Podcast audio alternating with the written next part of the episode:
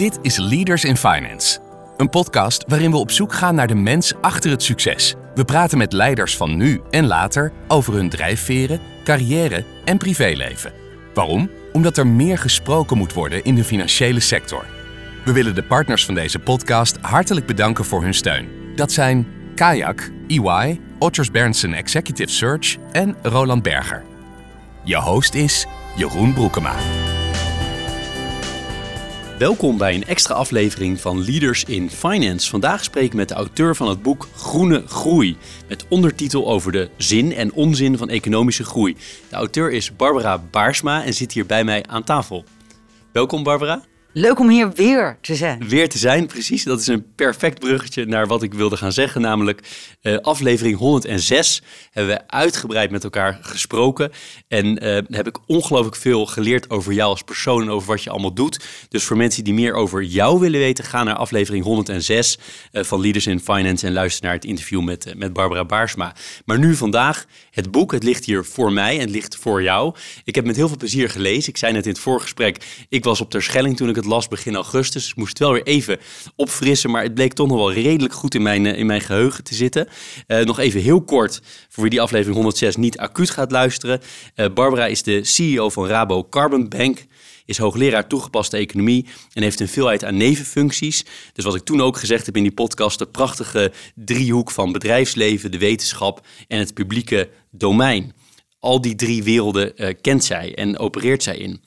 Um, eerst even over het doel van het boek. En dan pak ik even een quoteje erbij, uh, helemaal aan het begin. Daar staat: Mijn doel met dit boek is om jou, je, los van de politieke en maatschappelijke mode, feiten en economische inzichten te geven waarmee je je eigen antwoord kan formuleren op de vraag wanneer economische groei zinvol of onzinnig is. Dat, zeg jij, is het doel van dit boek. Ik neem aan dat dat klopt, maar hoe kwam je ertoe? Wat was de aanleiding? Nou, de aanleiding is, ik ben al heel lang bezig met um, vergroening van de economie, verduurzaming. Mijn, ooit ging mijn proefschrift over het beprijzen van milieugoederen. Um, en eigenlijk sindsdien ben ik altijd met vergroenen van de economie, beprijzen bezig geweest.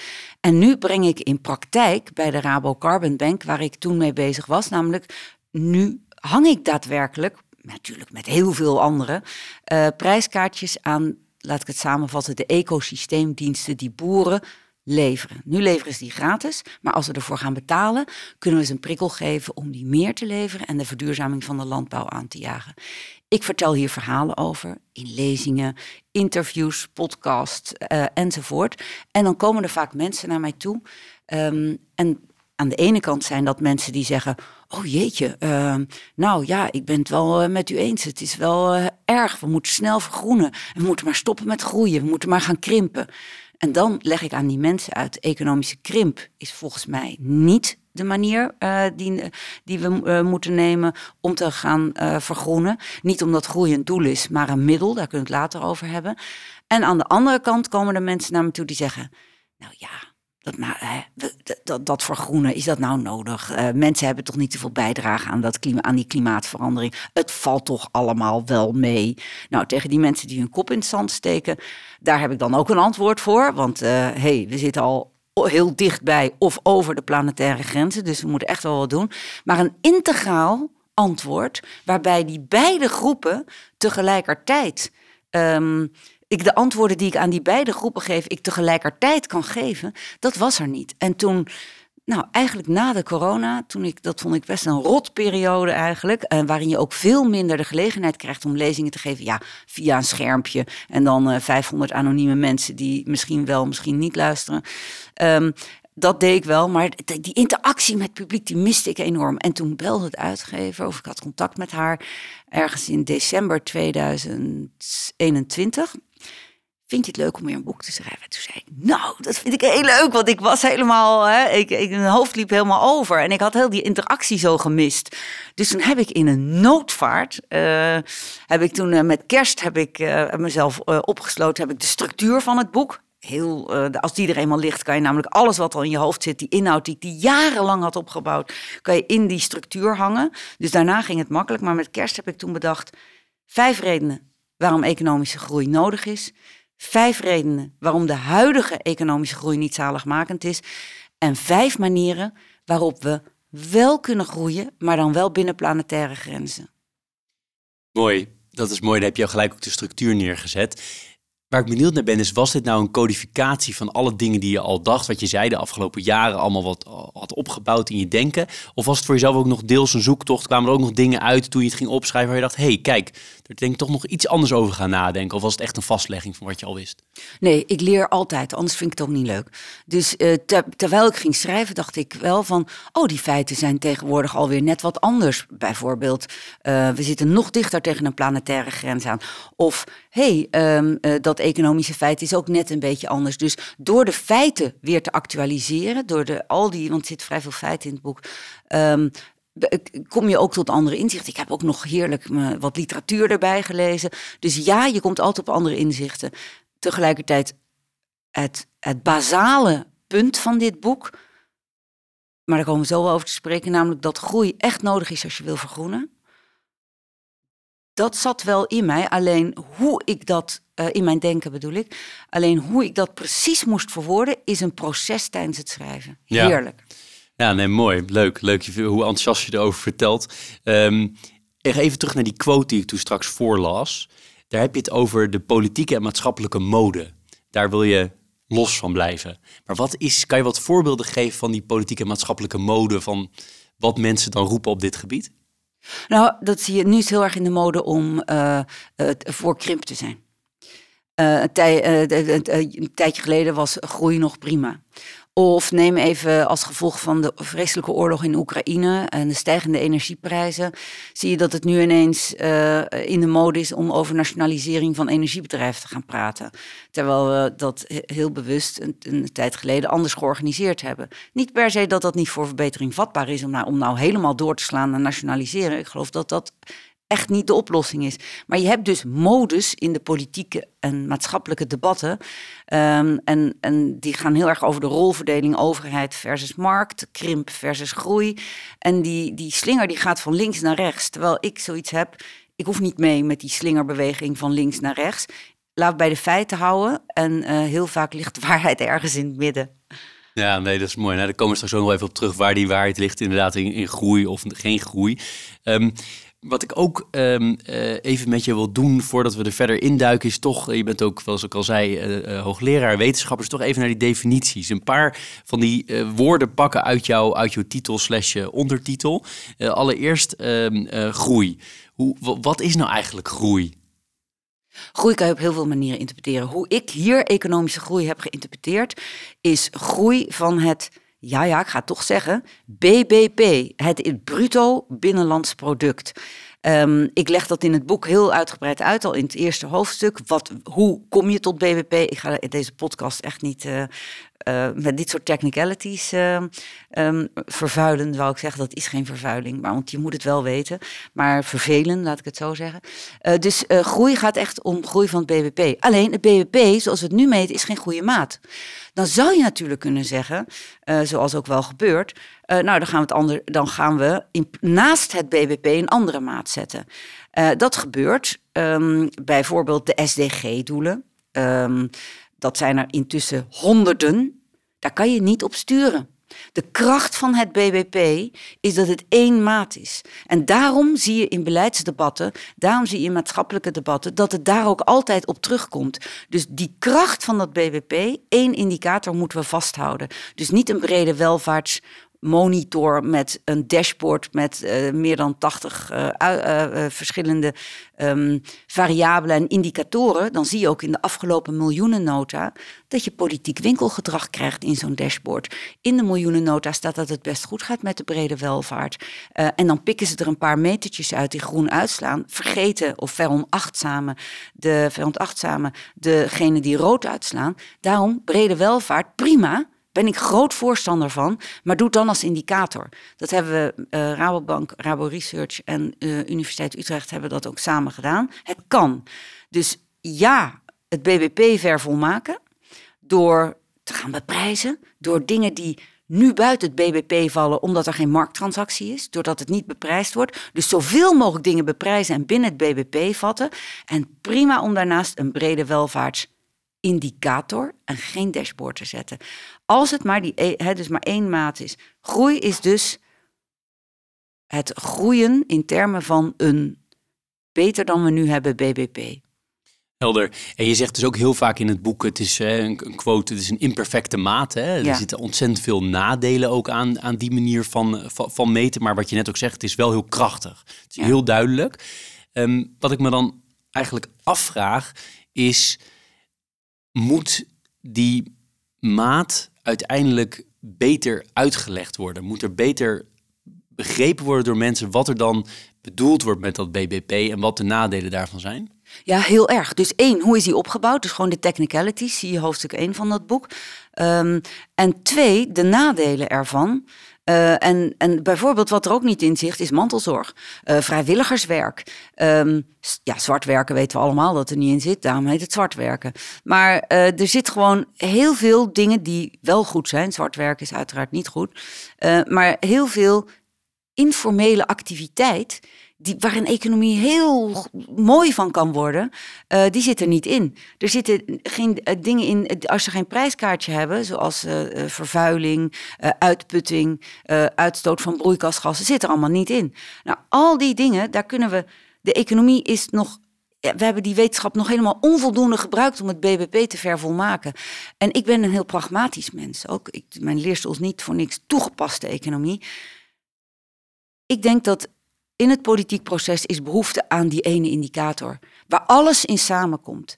Daar wordt op gestuurd. Dat is het makkelijkst. Daar kan je het makkelijkst doorrekenen. En je kan zeggen, ja, dat mag niet. We moeten breder sturen op dashboards enzovoort. Dat, dat snap ik in theorie, maar de praktijk is anders. En daarom ben ik ervoor om te kijken of we die ene indicator kunnen verrijken. Ja, want je schrijft ook mooi ergens in het boek ehm, dat je het overwogen hebt om het goede groei te noemen en niet groene groei. En het gaat natuurlijk om wat zit daaronder die ene indicator. Want jij hebt ook volgens mij hier voorbeelden of elders die ik van jou gelezen heb, waar je aangeeft van ja, je kan ook groei hebben waar we echt helemaal niks aan hebben als mensheid en heb je toch groei. Ja, nee, dus e-, eigenlijk had ik gewild. Nu ga ik even. Uh, het moest lekker bekken, hè, die uitgever. Ik vind ook trouwens compliment voor die uitgever. Die hebben dus een kunstenaar gevraagd om de voorkant te maken. Dus het, daar wordt echt aandacht aan besteed. Ik vind echt het boekenvak. Oh, ik is echt gewoon. Dat is ook groei trouwens. Maar oké, uh, dat even terzijde. Um, het liefst had ik op de titelpagina niet groene groei, wat lekker allitereert en door een kunstenaar tot een mooie uh, uh, voorkant kan worden gemaakt. Maar had ik structurele, stabiele, op mede op internationale openheid um, uh, en houdbaar naar de toekomst en groene groei uh, en, groen en, en vergroening gerichte groei genoemd. Ja, dat kan natuurlijk niet. Maar die vijf paden in deel drie, die gaan daarover. Structurele groei, geen conjuncturele groei. Um, stabiele groei, geen grote uitslagen, volatiele groei noemen economen dat.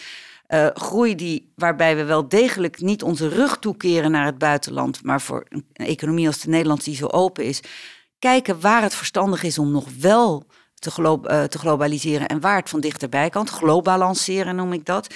En de vierde uh, is, laten we goed kijken naar houdbare groei. Dus waarbij we niet op de pof van toekomstige generaties leven. Dat doen we nu wel.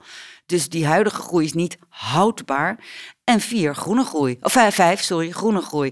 Ja, dat laatste is de titel geworden, maar die eerste vier is er echt wel onderdeel van. En ik neem aan dat groene groei uiteindelijk is dat het groei is die past binnen die, wat jij zegt, die negen planetaire uh, boundaries of welke andere uh, maatstaf je er ook voor neemt, maar in ieder geval wat ervoor zorgt dat de aarde niet uitgeput raakt. Ja, dus uh, groei binnen. Groene groei is groei binnen de ecologische grenzen, planetaire grenzen, hoe je het ook wil noemen. en die niet leidt tot uitputting van grondstoffen. Daarnaast is voor mij wel een hele belangrijk, maar dat zit misschien niet in het woord groei, groen, maar wel in al die andere dingen die ik daarvoor zeg, um, dat het groei is die leidt tot kanskracht voor iedereen. Tot uh, gelijke, hè, dus kansengelijkheid voor iedereen. Want misschien mag ik, mag ik nu iets zeggen over waarom ik denk dat groei nodig is. Want dat heeft hier heel erg mee te maken, als je het goed vindt. Graag, uiteraard. op dit moment is er, zijn er vele grenzen die knellen. Ehm, en mensen komen helemaal om van de krantenkoppen en de nieuwsberichten over rijen op Schiphol. De, gisteren uh, een bericht van de NZA dat de zorg niet meer toegankelijk is. Kinderopvang die dichtgaat. Uh, lerarentekorten.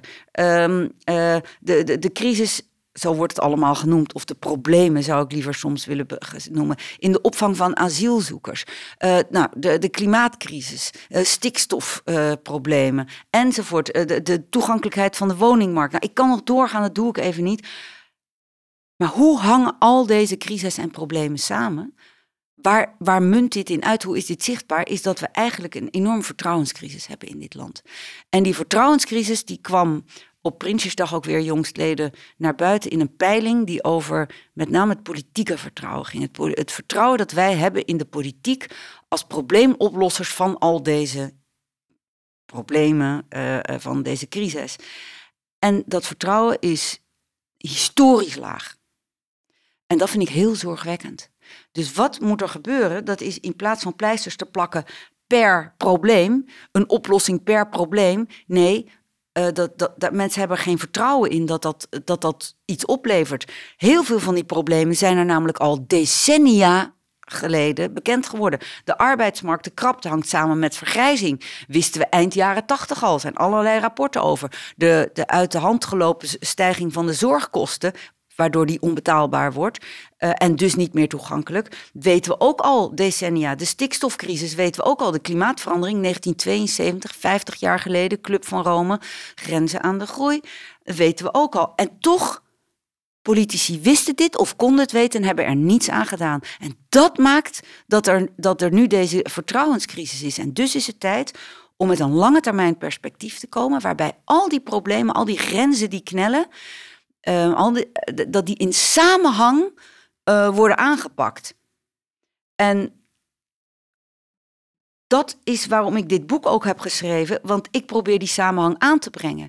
Ik probeer een antwoord te formuleren en het is aan de lezer om haar of zijn eigen antwoord te formuleren, maar dat dat lange termijn perspectief geeft, dat wel vertrouwen geeft. En nu in het Haagse, en ik zeg dit met spijt in mijn mond en in hart, dat uh, de korte termijn regeert. Men is, uh, is, is gericht op uh, zetelbehoud in het parlement in plaats van die lange termijn oplossingen voor welvaart en wel, welzijn voor ook toekomstige generaties. En daar nogmaals gaat dat boek over niet omdat groei nou zozeer een doel is, maar wel een middel om dat voor elkaar te krijgen. En daar ben ik bij mijn punt. Zonder groei is het niet mogelijk om degenen die het meest kwetsbaar zijn, uh, die afhankelijk zijn van herverdeling door de overheid van belastinggeld. Uh, met belastinggeld gefinancierde uitkeringen, voorzieningen zoals zorg, onderwijs, huisvesting, we hadden het er al over. Um, en dat zij niet het gevoel krijgen dat zij de rekening van het klimaatbeleid, van de energietransitie, van de vergroening van de economie zullen betalen. Dus zij zullen geen draagvlak hebben voor die vergroening. Uh, als er geen groei is, dat is mijn stelling. En zonder die groei kunnen zij er namelijk niet op rekenen dat de voor hen zo belangrijke herverdelingsinstituties, sociale zekerheidsinstituties, de voorziening van die publieke goederen, die semi-publieke goederen, voor hen beschikbaar blijft. En ze zijn alleen maar bang dat ze de rekening gepresenteerd krijgen van de vergroening. Dus de economie kan niet vergroenen, denk ik, en zal ten onder gaan zonder groei aan polarisatie en wantrouwen. Ja, want dat is interessant. Hè? Prachtig pleidooi, dank daarvoor. Maar die redenering wil ik nog even goed volgen. Hè? Want jij zegt eigenlijk, en spreek me tegen als ik het verkeerd verwoord, maar je zegt eigenlijk hè, dat vertrouwen is het, het grote bovenliggende probleem, het verlies aan vertrouwen in instituties en in de samenleving daarmee. Je hebt groei nodig uiteindelijk om al die problemen te financieren ook. Want daar hebben we het uiteindelijk over, toch? Het is, er zit de belastingdienst tussen waarom je groei nodig hebt. Ja, en, en de belastingbetaler en, enzovoort. Ja, en dan is mijn vraag eigenlijk, die, die redeneertrand kan ik volgen. En tegelijkertijd denk ik, heel simpel misschien, misschien te simpel...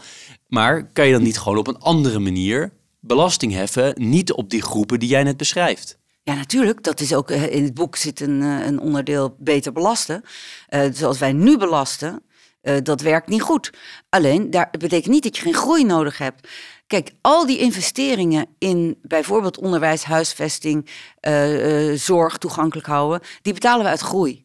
Want uit uh, de, de, de lopende uh, kwaliteit, toegankelijkheid, betaalbaarheid van al die semi-publieke diensten, van de sociale zekerheid, wordt gewoon uit wat we nu hebben betaald.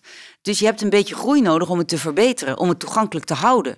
Ja, dat, dat snap ik. Maar wat ik meer bedoel is van, ik zie het voor me, ik heb een taart. Ja? Die, die wordt verdeeld voor al die problemen die je opsomt, waar je, waar je natuurlijk helemaal pessimistisch van kan worden. Hè? Gelukkig begint jou op de eerste pagina heb je het over optimisme, gelukkig. Nee, nee, we, we kan het, het kan hè, we can do it. Precies, maar ik zie het als een taart. Dan denk ik, nou ja, je kan groeien, dat is één oplossing. Want met die groei kunnen we al die dingen doen die jij, die jij beschrijft. Maar wat je ook kan doen, is dat je zegt, nou, er zijn een, aan, een deel van die mensen die uit die taart, van die taart eten, die, die, gaat, die gaat krimpen. Dus binnen die groep. En de andere groep die gaat groeien. En overal ah, zitten we, hebben dezelfde taart zonder groei. Waarom kan dat niet? Omdat herverdeling welvaart kost. Je kan natuurlijk, BBP, hè, dus economische groei, gaat over volume. Dus over de omvang van de taart. Voor kansengelijkheid, voor kanskracht, is juist die verdeling van die taart ongelooflijk belangrijk. Alleen een andere verdeling van de taart, waar ik groot voorstander van ben, een andere vermogensbelasting, veel minder hoge lasten op arbeid aan de onderkant en bij de middengroepen. Uh, uh, en zo nog wat van die dingen, lees het boek maar. Um, daar ben ik groot voorstander van. Alleen het uitgeven van een euro uit de schatkist kost welvaart. Niet omdat wij een belastingdienst hebben, maar omdat het heffen van belasting, welke belasting dan ook, gedragsreacties oproept van bedrijven en burgers. Bijvoorbeeld, die is het makkelijkst voor te stellen, een hoog belastingtarief op je inkomsten uit arbeid maakt dat je minder uren werkt. Maakt dat je minder investeert in je arbeidsproductiviteitsontwikkeling, in je leervermogen, in je ervaringen. En dus dat je minder opleidingen gaat doen. En dat is opgeteld voor de economie minder groei. Dus ja, ik ben voor herverdeling. Juist vanwege die kanskracht. Alleen dat kost geld. Gemiddeld genomen, heeft een collega van mij, Bas Jacobs, uitgerekend, is elke euro die je uitgeeft in Nederland kost 10% aan welvaartsverlies. Omdat bedrijven, ondernemers en burgers gaan reageren en of minder uren gaan werken of minder gaan innoveren of, heel kwalijk, hun geld buiten Nederland zetten enzovoort. Um, nou, daarom heb je groei nodig. Die laatste euro, althans dit waren de cijfers in 2014, zoals door Bas Jacobs berekend, die laatste euro die ze uitgeven, uit de schatkist kost zelfs de helft aan welvaartsverlies. Met andere woorden, alleen maar andere verdeling, daar heb je een beetje groei voor nodig. Herverdeling kost gewoon geld. Kost, heb je groei voor nodig om dat mogelijk te maken. Maar misschien mag ik nog één ander ding zeggen.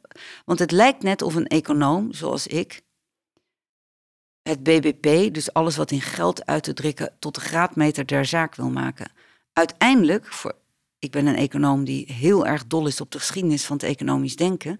En ik nodig de luisteraar uit om ook wat oude geschriften te bekijken. En dan zult u zien, luisteraar, dat de economie gaat niet over het BBP, niet over in geld uitgedrukte dingen, maar uiteindelijk over levensgeluk. Ja, ja, economen zijn in den beginnen levens, of, uh, uh, levensverbeteraars geweest, geweest, altijd. Dat zit achter die wetenschap. Wat bepaalt het levensgeluk van mensen, de levenstevredenheid en wat bepaalt of zij vertrouwen hebben in onze instituties? Dat is de mate waarin zij regie hebben op hun leven, op hun eigen toekomst. Dat is zeven en een half keer meer belangrijker bij het verklaren van geluks- en tevredenheidscijfers dan bijvoorbeeld inkomen. En daarom is het zo belangrijk dat wij mensen, juist de meest kwetsbaren, degene met de minste kanskracht, uh, toegang geven tot die publieke en semi-publieke diensten die zij nodig hebben om regie op hun leven te hebben, een goede gezondheid te hebben, toegang tot de arbeidsmarkt en werkzekerheid te hebben, toegang tot een behoorlijk huis te hebben enzovoort. Daarom is dat zo belangrijk. Als zij niet meer het gevoel hebben regie op hun leven te hebben, ontstaat er wantrouwen. En dan zijn de rapen gaar, want dan kun je helemaal geen transities meer doorvoeren en dus ook geen vergroening. Dat is het punt. Ja, dat, is, dat vind ik ontzettend interessant. Ik heb even de pagina erbij gepakt. Ik had daar een groot uitroepteken bij, uh, bij geschreven waar je dat beschrijft. Dat regie hebben, autonomie hebben over je eigen leven zoveel belangrijker is dan koopkracht. En tegelijkertijd dacht ik toen van, hé, maar dat is boeiend. Dus mensen willen best wel koopkracht inleveren voor regie. Dan zou je zeggen, dat is eigenlijk anti-groei. Nee, zij willen, uh, die regie kost geld. En dus het gaat niet om de koopkracht, maar het gaat om regie. Alleen regie kost geld. als je toegang wil hebben tot goede zorg in een vergrijzende samenleving waarin de zorg steeds duurder wordt, dan heb je groei nodig om dat te betalen. Als je toegang wil houden tot goed onderwijs, heb je uh, leraren nodig. Dat kost geld. Uh, en nou, dat punt, het gaat niet zozeer om de koopkracht, maar het gaat om dat regie geld kost. Ja. Ja, en ik wil trouwens één, ik ben, ik wil, we hebben nu, lijkt het net super pessimistisch is. Ja, het, het, het vertrouwen in de politiek is laag historisch laag. En ja, daar is werk aan de winkel. Uh, en daar is behoefte aan lange termijn perspectief dat vertrouwen kweekt. Maar we hebben één heel groot goed in Nederland en dat is ons onderling vertrouwen. Het vertrouwen dat we hebben als je op straat loopt en je komt iemand tegen die je niet kent. Ben je geneigd die te vertrouwen? In Nederland behoren we tot de top vijf van landen die zeggen ja, ik ben geneigd diegene die ander te vertrouwen. En dat blijkt uit heel veel academisch onderzoek, dat ik ook weer voor dit boek uh, mocht uitzoeken, een hele grote verklaring voor economische groei te zijn. Want als je elkaar vertrouwt, hoef je niet alles in Al regeltjes en wetten. heb je niet. Ja. ja. en dat is, dat is ons grote goed en dat moeten we koesteren. En dat we nu dat politieke wantrouwen hebben, moet moeten we echt oppassen dat dat niet de uh, leidt tot besmetting van het onderling vertrouwen. Want dat is ons grote goed. Ja, zo 100% met je eens, uh, absoluut. Dit is Leaders in Finance met Jeroen Broekema. Dan wil ik met je hebben over meten. Ja. Want ja, economen zijn er misschien dan niet alleen maar daarvoor, maar toch willen ze heel vaak dingen ook meten. Jij, jij ook in het boekje wil heel, heel graag dingen ook beprijzen. Wat denk ik in, in, zeker in theorie heel goed zou zijn. Hè? Vooral al die externaliteiten beprijzen zou heel fantastisch zijn. Want iedereen begrijpt dat een ticket van 25 euro naar Ibiza, dat dat niet uit kan. Dat er heel veel externalities in zitten. Hè? Met mijn, mijn persoonlijke ergernis altijd over, over die vliegticketprijzen. Ik denk het allermooiste voorbeeld wat er is, zo'n beetje waar het niet beprijsd wordt. Maar ook de kiloknallers. Uh, ook de kiloknallers. Uh, de, ga zo maar door. We, kennen de, we kennen de voorbeelden. Maar er zijn toch ook heel veel dingen die je niet kan meten. Want hoe kijk je daarnaar? Wat kan jij bijvoorbeeld niet meten? Nou, ik, ik kan bijvoorbeeld heel moeilijk meten wat de waarde van democratie is voor mij, van vrijheid. Maar dat hoeven we toch ook niet te beprijzen? Ah, weet ik niet. Kijk, uh, het kan zo zijn dat het misschien heel veel GDP kost om vrijheid te behouden. Maar dat is precies mijn punt. Um, uh, uh, ons democratisch stelsel, waarin je dus met belastinggeld democratisch gelegitimeerd investeert in publieke en semi-publieke diensten en sociale zekerheid ten bate van ons allen, maar met name degene die het hardst nodig hebben, de kwetsbare groepen, daar, dat, daar, die democratie is duur. Dat klopt, je kan ook een dictator, en als hij een beetje welwillend is naar zijn volk, zou dat ook tot een uitkomst kunnen leiden die, die, die, uh, die goed is. Maar ik geloof het meest toch wel in dat in een democratie ook andere vrijheden uh, gewaarborgd zijn. Maar en hoeveel, ja, hoeveel GDP mag het kosten? Dat bedoel ik met meten. Hoeveel mag het en dat brengt ja, maar ik, ik weet niet of dat GDP is dat nou per se de democratie uh, beprijst. Want ik, zoals een welwillende dictator kan dezelfde uitkomst uh, opleveren. Dus ik weet niet of je dat aan het beprijzen bent. Uh, maar het gaat met name om waar, waar je die, dat BBP voor nodig hebt, waar je die economische groei voor nodig hebt, is zoals we al eerder zeiden, die sociale zekerheid en die, die, die instituties zoals um, onderwijs, cultuur enzovoort. Nee, maar kijk, waarom ik, dat snap ik. En waarom ik het vraag is natuurlijk, als je het hebt over die planetary boundaries. En als je gelooft dat als we die te ver overschrijden, of we hebben er al zes geloof ik overschreden van de, van de negen en overshoot days in Nederland, weet ik veel, na een paar maanden. Als je vanuit gaat dat dat echt kan leiden tot de ondergang van de mensheid, dan zullen mensen zeggen, het is misschien een beetje een semantische kwestie dit, maar zullen mensen misschien zeggen, ja dat mag Elke groei van de GDP mag zelfs leiden tot enorme problemen in de samenleving. Een extra vertrouwenscrisis als we maar niet ten onder gaan. Even heel extreem doemscenario. Mm Maar de vraag is eigenlijk van, ja, wanneer mag het wel iets GDP kosten? Wat we misschien, ja, als het gaat om de overleving van de mensheid, of als het gaat over democratie of over vrijheid, of nou ja, you name it. Nou, hier ben ik misschien toch meer optimist dan degene die jij nu vertolkt. Want ik denk dat we uh, met andere consumptiepatronen, met meer technologische oplossingen, um, uh, wel degelijk kunnen vergroenen. Uh, ik denk niet dat krimp nodig is om te kunnen vergroenen. Sterker nog, maar dat heb ik al eerder gezegd, dat ga ik niet herhalen. Ik denk dat krimp ertoe leidt dat we uiteindelijk niet kunnen vergroenen, omdat juist de mensen die je nodig hebt om draagvlak te krijgen om die vergroeningsbeleid door te voeren in een democratie, um, die gaan die mensen niet herkiezen. Want die denken, ik krijg die rekening betaald. Ik heb er helemaal geen vertrouwen in dat jij voor mij de goede dingen gaat doen. Dus dan krijg je geen vergroening. Dat gaat gewoon niet gebeuren. Dus eh, ik ben daar buitengewoon pragmatisch in. Er is geen land in de wereld dat vrijwillig kiest voor krimp. En dat dat ook eens even lekker in verkiezingsprogramma's gaat zetten.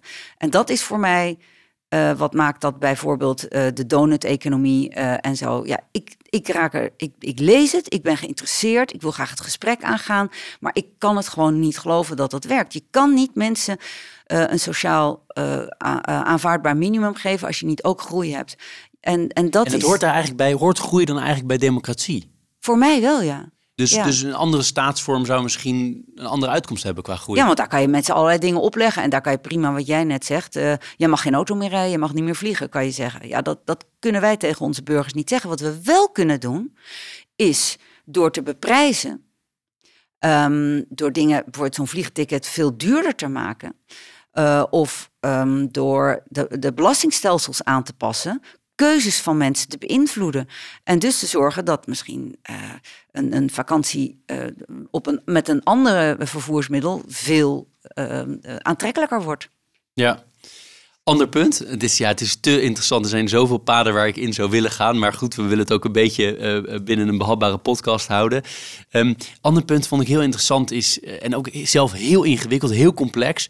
Maar is bevolkingsgroei in combinatie met bevolkingen die rijker worden en dus meer gaan consumeren en dus meer druk leggen op die aarde. Ja. Ik vind dat een heel complex onderwerp, ook Ja. omdat het heel snel wordt van, ja, het gaat over van waarom, hè, ik zelf, echt voorbeeld, ik heb vier kinderen, ja, dat is eigenlijk ontzettend slecht en toch wil je niet zo denken.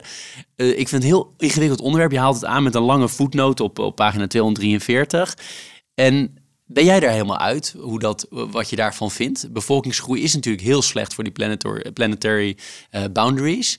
En tegelijkertijd wil je ook niet dat mensen in armoede leven, maar armoedige mensen zijn wel weer heel anders voor de druk op, op het natuur en milieu dan mensen die rijk zijn. Jij en ik hebben een veel grotere voetafdruk dan Mhm. iemand die op 1 dollar per dag in, in land X woont. Ja. Ik vind het ontzettend complex. Ja, En dat is het ook. Tegelijkertijd wordt er vaak te simpel over gedacht. Ik heb dit boek geschreven eh, eh, om, om, om, om, om discussie te krijgen over is groei wel nodig. En ik vind het leuk dat mensen hele verschillende gedachten hebben.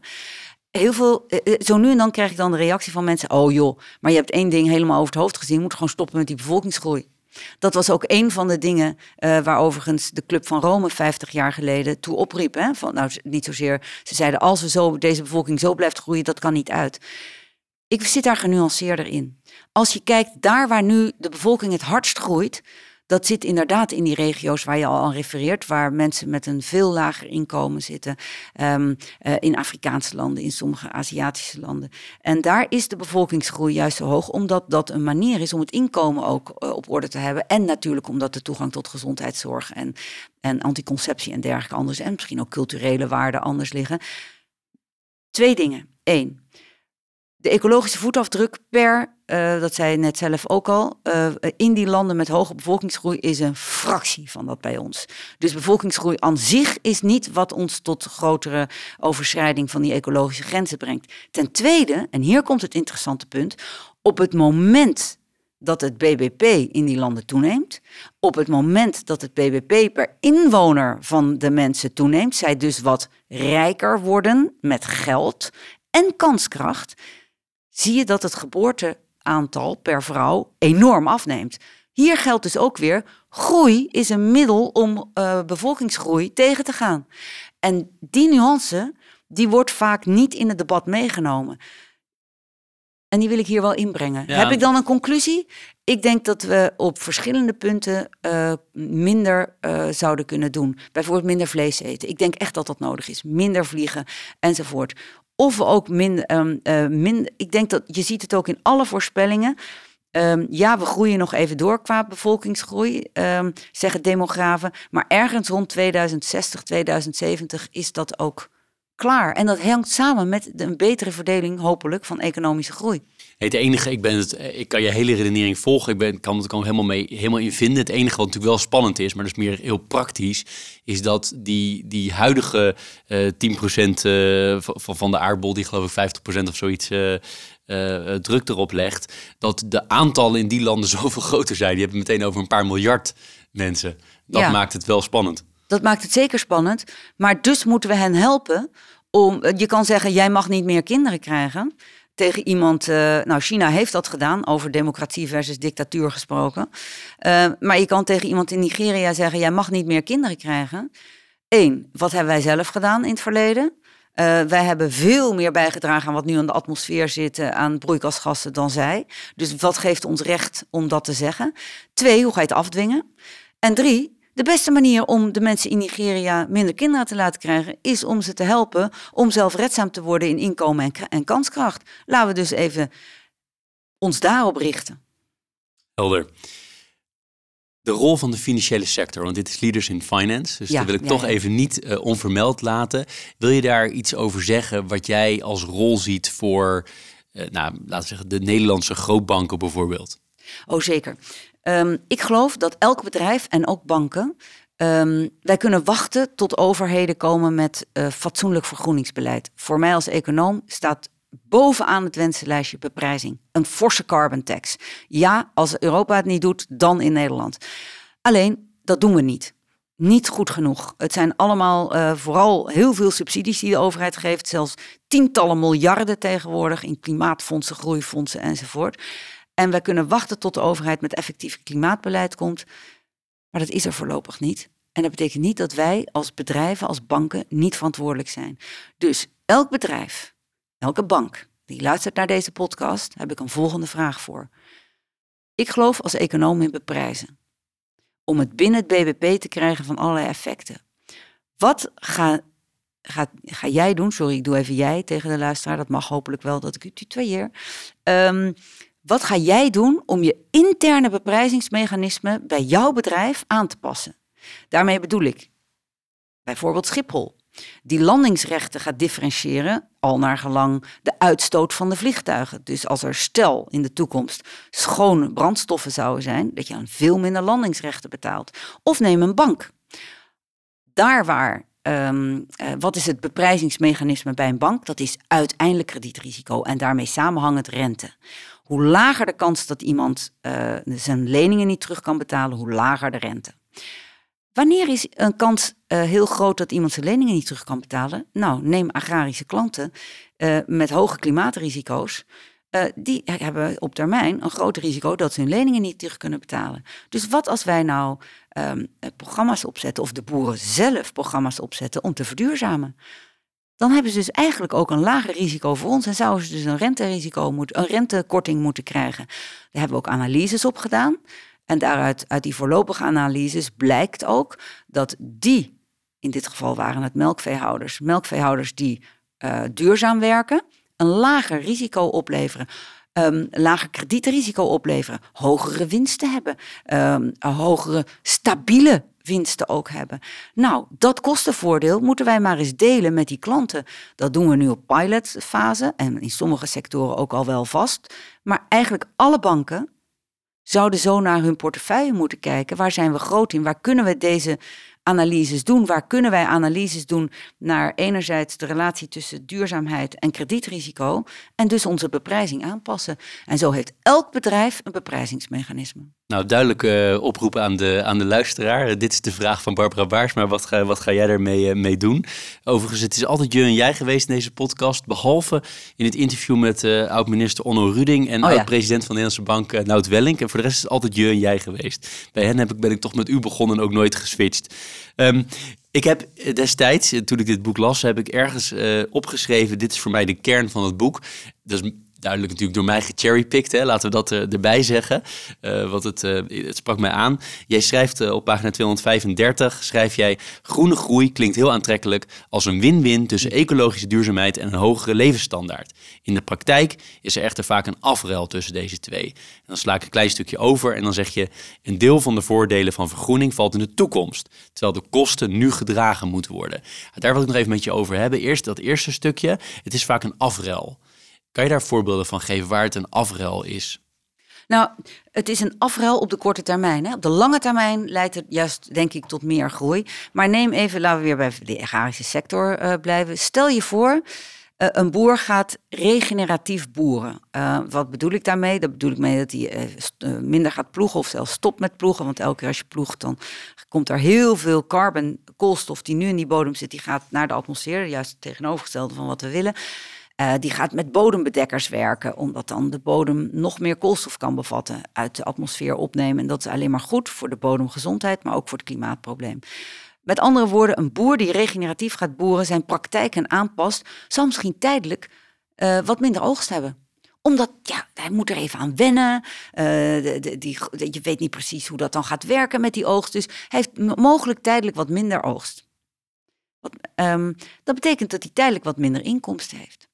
Of uh, neem een. En dus minder ja, groei. En minder groei. Neem uh, een, een, uh, een, een energie. een Nederland even. Wij zetten de, kool, de kolencentrale uit. Dat betekent dat we, uh, dat, dat was, dachten we, goedkope energie, omdat we die kolen, de echte prijs van die kolen niet nemen. Dat betekent dat we misschien tijdelijk wat duurdere vormen van energie moeten nemen. Dus energie wordt daardoor, even los van de hele ellende in Oekraïne en, en de verstijging van energieprijzen, uh, is de energieprijs misschien wat hoger. Of uh, neem een bank die ziet dat in bepaalde sectoren of met bepaalde klanten eigenlijk vergroening niet mogelijk is, omdat er of geen wil is of omdat het echt niet mogelijk is, daar moet je dan afscheid van nemen. Dat is pijn die je neemt. Mijn opmerking met dit stukje in het boek is: vergroenen is een feestje.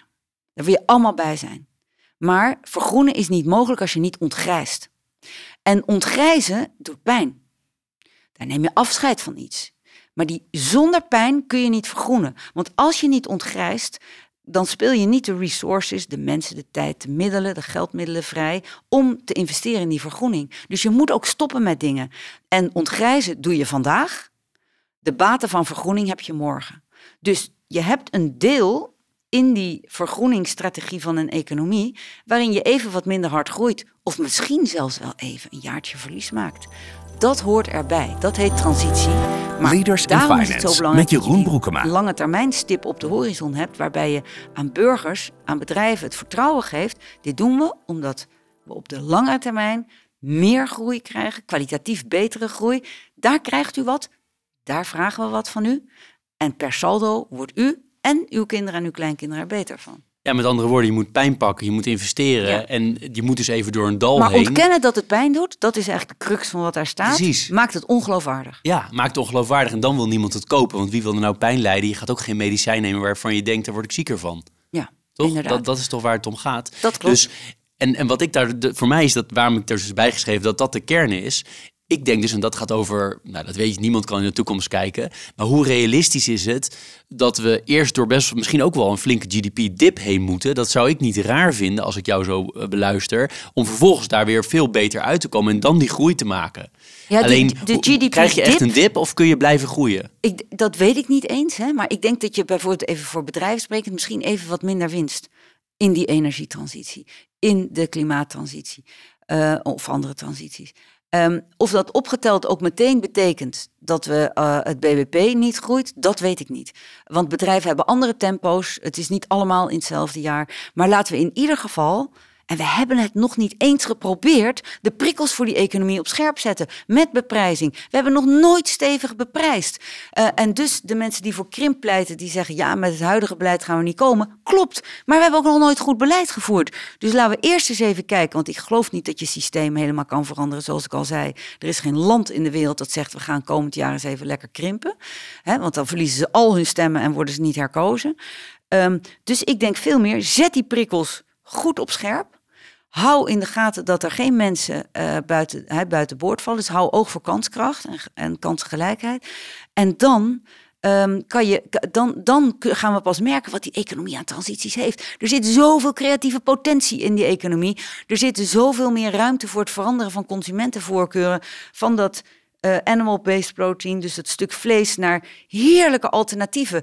Daar hebben we nog niet eens het begin van een transitie aangezet. Dus laten we daar eens mee beginnen. Ja, nee, helder. Nee, ik denk, ik denk voor mij zit het de crux echt in van, ja, hoe, uh, hoe zal het in de praktijk uitpakken? Mijn gevoel, maar dat is meer een gevoel dan, dat is natuurlijk niet passend om het woord gevoel te gebruiken bij een, bij een rationele wetenschappelijke benadering. Maar mijn gevoel is dat je, je economie is zo fossil fuel-based, onze economie. Als je kijkt naar alles wat we hier om ons heen zien, bijna alles zit wel olie in.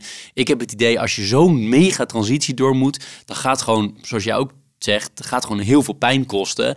En dan ben ik benieuwd of het dan, hoe snel het dan weer tot groei gaat leiden daarna. Ik denk dat je zo'n veel pijn moet leiden, dat je zo'n GDP uh, inzakking krijgt. Ook omdat je gewoon zoveel dingen moet sluiten. Je hebt gewoon allemaal stranded assets waar je niks meer mee kan.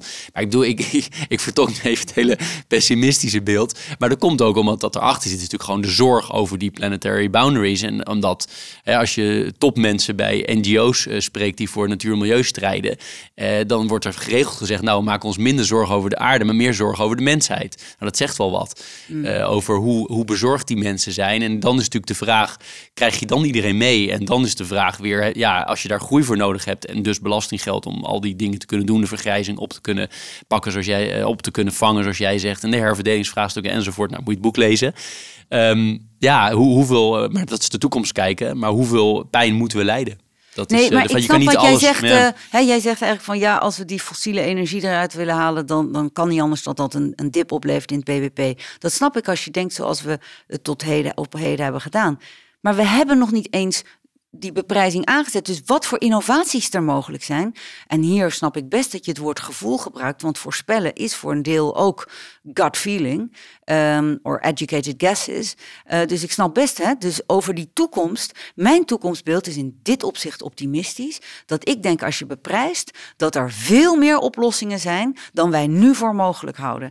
En dat is waarom ik denk dat je niet per se hoeft te krimpen om te komen waar we naartoe willen, namelijk binnen die planetaire grenzen.